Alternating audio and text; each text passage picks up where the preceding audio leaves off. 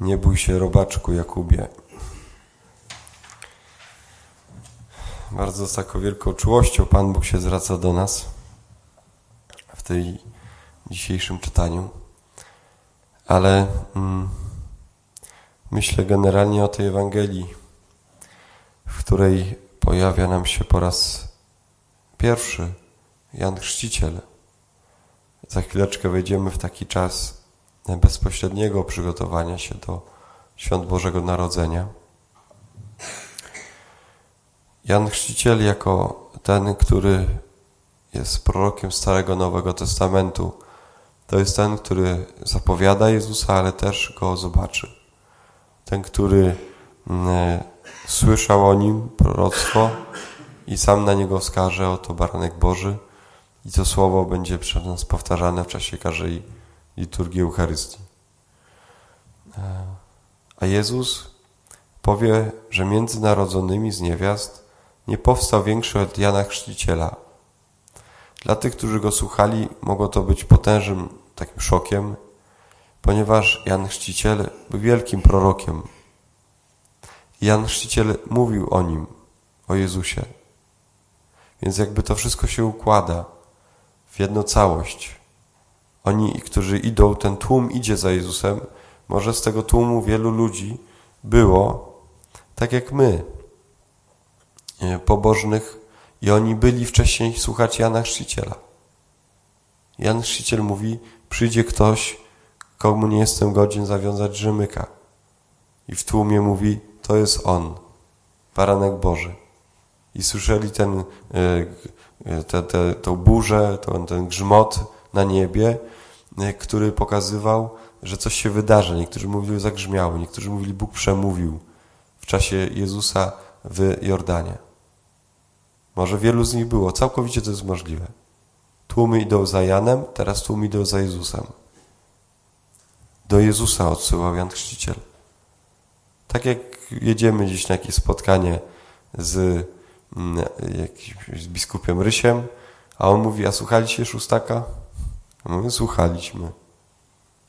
I, yy, I wtedy mówi do nas, to jest największy między narodzonymi z niewiast, nie powstał większy od Jana Chrzciciela.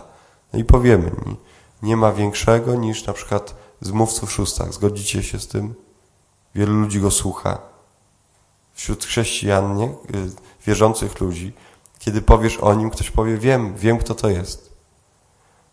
I on mówi, ale najmniejszy w Królestwie Niebieskim większy jest niż on.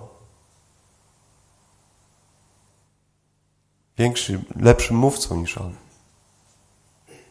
Najmniejszy w Królestwie Niebieskim jest lepszym mówcą niż szóstek.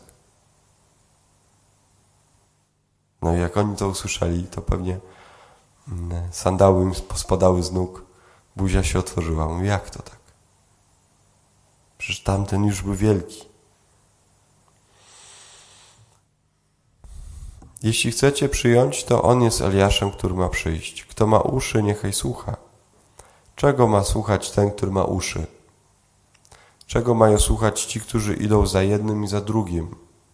Czego my mamy słuchać, którzy idziemy, mm, e, przychodzimy na roraty, po południu słuchamy jakiegoś nauczania, nawet to robimy codziennie, może ktoś to robi dwa razy dziennie, sobie posłucha, co szóstak mówi, co biskup Ryś mówi, y, posłucha sobie, kto co inny jeszcze mówi y, na YouTubie. No, robicie tak? Tak robi wielu. Kto ma uszy, niechaj słucha. Ale czego trzeba słuchać? Jezus pokazuje na Eliasza, jeśli chcecie przyjąć, a jeśli chcecie przyjąć, to on jest Eliaszem, który ma przyjść. Jeśli chcecie przyjąć. Jeśli chcecie przyjąć, to to jest prorok dla was. Jeśli chcecie przyjąć, to to jest prorok. Ale najmniejszy w królestwie jest większy. Słuchajmy tego, co się dzieje w naszych sercach spotkaniu z Pismem Świętym. Słuchajmy tego, co się dzieje w naszych modlitwach, kiedy spotykamy się z Bogiem chcemy Go usłyszeć. Słuchajmy tego, kiedy nawet w naszej sercu jest mega wielka pustynia. Nie ma tam nic. A może jest sam grzech, symbol pustyni dla Żydów. To przecież nie tylko e, miejsce, gdzie Bóg ich. To jest miejsce grzechu. Pustynia jest miejscem grzechu. Może w Twoim sercu jest pustynia, nie ma nic, nie ma życia. Może tam jest e, mnóstwo grzechu. Rządzi tam szatan. To jest obraz z Izajasza. Może to jest Twoje serce.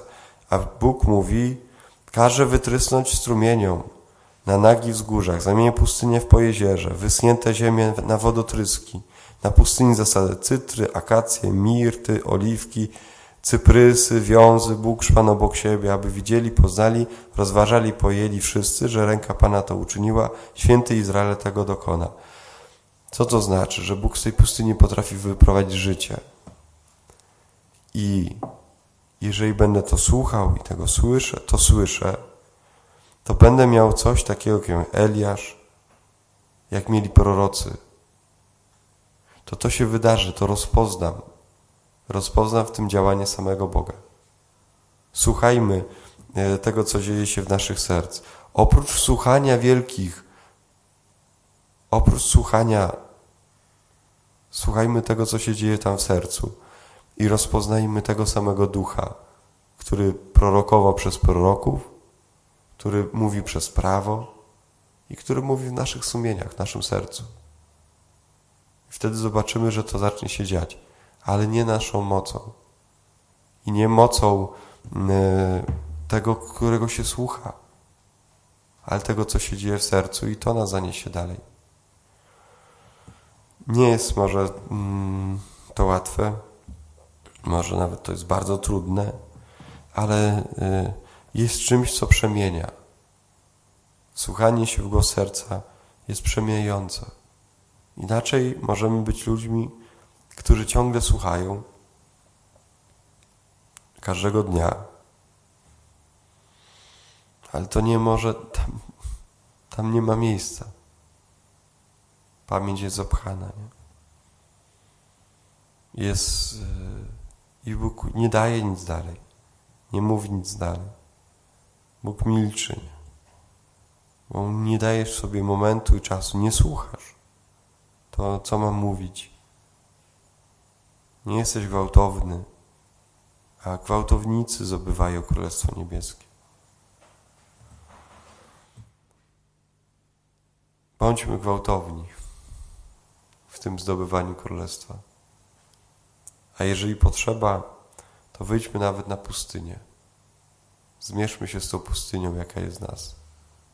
Znajdźmy taką pustynię, w której będziemy mogli e, przyjmować tego, co się dzieje w naszym życiu, tych proroków, jako tych, którzy są posłani przez Boga. Wtedy doświadczymy przemiany.